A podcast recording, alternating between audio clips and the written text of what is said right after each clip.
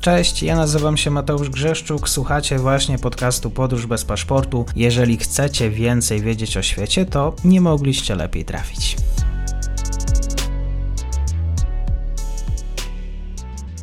Dzień dobry wszystkim słuchaczom. Dzisiaj powracamy z tematami afrykańskimi. Ze mną jest profesor Andrzej Polus z Uniwersytetu Wrocławskiego. Dzień dobry, panie profesorze. Dzień dobry panie redaktorze, dzień dobry wszystkim słuchaczom. Temat Instytutów Konfucjusza jest znany słuchaczom.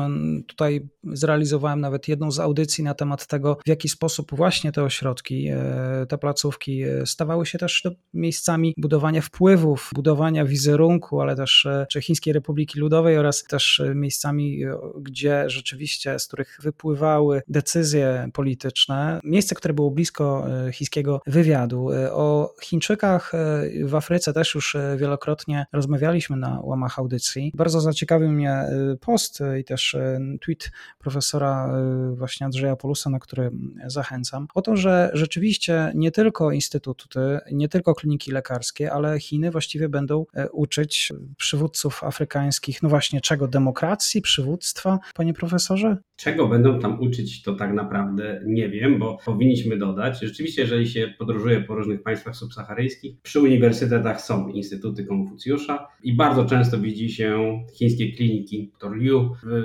które za darmo świadczą usługi medyczne dla, dla lokalnej społeczności. To się z różnym odzewem społeczności lokalnych spotyka, bo E, leki w tych klinikach są za darmo, natomiast są to leki chińskie. E, no i czasem się zdarza, że pacjent nie zostanie wyleczony tak jakby tego, tak jakby tego chciał. Natomiast teraz Komunistyczna Partia Chin otwarła pod Dar es Salaam e, Mwalimi Julius Nyerere Leadership School, szkołę liderów politycznych. Jest to inicjatywa Komunistycznej Partii Chin, bilateralna w stosunku do innych partii w regionie Afryki, e, w Afryki Południowej. No, Tanzania jest w Sadeku, ale tam chodzi o Angolę, Zimbabwe, Zambię, Mozambik. Liderzy tych partii rozpoczynają właśnie w tej chwili, pod koniec czerwca się rozpoczął, kurs przywództwa politycznego, który jest organizowany przez Komunistyczną Partię Chin. I to jest nowum w chińskiej polityce wobec Afryki subsaharyjskiej. To trzeba widzieć w sekwencji wydarzeń, bo Chińczycy posiadają coś, czego nie posiadają państwa Zachodu. Równolegle do oficjalnej dyplomacji chińskiej w Afryce, którą prowadzi Ministerstwo Spraw Zagranicznych, istnieje dyplomacja partyjna. To znaczy, Chińczycy skupiali się na elicie rządzącej w danym państwie, mając świadomość, że nie będą w stanie zmienić postrzegania Chin w nizinach społecznych, że się, że się tak wyrażę, i organizowali bardzo wiele wizyt studyjnych, kursów, ale w Chinach. To znaczy wyłapywali jednostki, które wypowiadały się niekorzystnie na temat obecności chińskiej w danym państwie afrykańskim i te osoby były zapraszane na study tour do Pekinu bądź do którejkolwiek z, z, z, z prowincji. Teraz za 40 milionów dolarów postawiony został ogromny kompleks, gdzie systemowo spotykają się liderzy partii afrykańskich z liderami, to znaczy z instruktorami z Komunistycznej Partii Chin, którzy szkolą ich z wizerunku publicznego, którzy szkolą ich z no, przywództwa politycznego. Taki jest, taki jest program. Dokładnie czego tam uczą, no to tego oczywiście nie wiemy, jak ten kurs od wewnątrz wygląda, bo on jest otwarty tylko i wyłącznie dla członków partii politycznych państw afrykańskich. Ale no, jest to nową, jeśli chodzi o soft power chiński w Afryce subsaharyjskiej i całą tą przeciwdziałanie narracji sinokolonializmu, sinokolonializmu no, która funkcjonuje w dyskursie zachodnim. Panie profesorze, czy tym państwom wskazanym przez pana profesora przydałby się właściwie taki kurs przywództwa? Pytanie, na ile ta wiedza będzie praktyczna?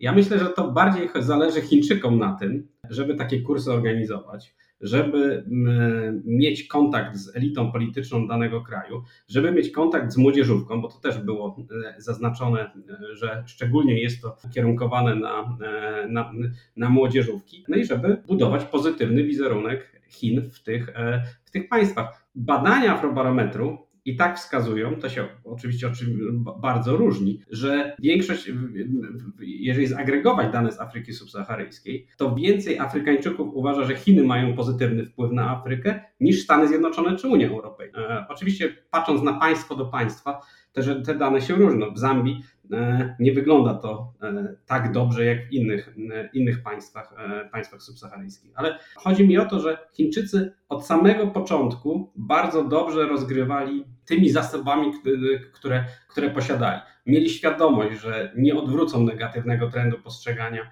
wiem, chińskich produktów jako produktów nietrwałych. Wiedzieli, że tutaj są skazani na porażkę, ale byli w stanie wychwytywać te jednostki, które były krytyczne wobec Chin no i zapewniać im szkolenia, zapewniać im wizyty w Chinach, zapewniać im informacje, to po prostu działania, działania skierunkowane na określony, na określony target. Jeżeli chodzi o właśnie, mówi się często o tej dyplomacji ekonomicznej, o dyplomacji militarnej, o której, o której e, no, Chińczycy tak otwarcie nie mówią, aczkolwiek i taka istnieje. Tudzież tutaj mamy zastosowanie takich twardych już e, narzędzi stricte dyplomatycznych. E, mówił pan profesor o zbliżeniu, o takim naturalnym kontakcie, żeby budować te więzi, ale i pojawiały się głosy i też podczas naszych poprzednich rozmów, że no, ta obecność Chińczyków jest przesadzona, że Chińczycy raczej chcieliby się stamtąd wycofywać. Czyli budujemy jeszcze wpływy, pozostajemy w relacjach, aczkolwiek za ten biznes nie idzie. Ja mam od, od, odrobinę inną, inny wniosek teraz. Wydaje mi się, że polityka chińska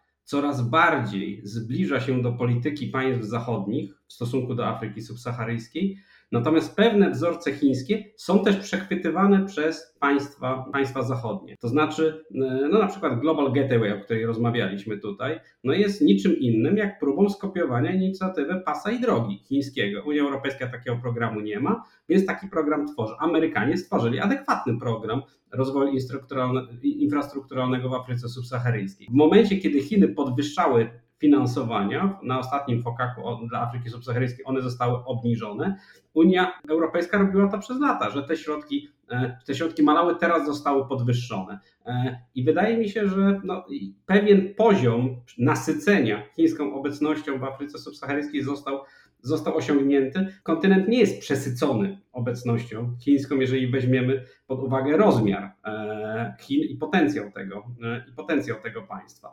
Ale to w co Chiny teraz starają się inwestować, no to jest właśnie soft power. Jeżeli jest jakaś teoria stosunków międzynarodowych, kiedy czyta się artykuły e, autorstwa Chińczyków, ja poza tym, że zajmuję się Afryką, zajmuję się też teorią stosunków międzynarodowych, to teorią, która padła na, najbar- na bardzo podatny grunt w chińskim dyskursie politycznym jest właśnie soft power Josepha Neya. E, I Chińczycy prezentują siebie właśnie jako łagodną siłę, siłę uwodzącą, siłę chcącą wskazywać wzorce rozwojowe nieagresywną. Chiny mają pełną świadomość i to w wywiadach z Chińczykami, którzy e, działają w Afryce, no, jest jednoznacznie przez nich potwierdzane, że chiński model polityczny nie może być przekopiowany do Afryki subsaharyjskiej. On się sprawdził w Chinach i Chińczycy nie mają ambicji, żeby model funkcjonowania rządu i komunistycznej partii Chin został copy-paste e, w Afryce subsaharyjskiej. E, natomiast państwa zachodnie mają taką ambicję, żeby demokrację liberalną, łącznie z rozwiązaniami instytucjonalnymi, przeszczepiać do, e, do Afryki subsaharyjskiej. Ale Chiny mają świadomość, że pewne wzorce rozwojowe, które miały e, miejsce w Chinach, mogą być inspiracją dla rządów afrykańskich i dać Chinom dostęp do tego, czego chcą. A Chiny przede wszystkim chcą rynku zbytu dla swoich towarów.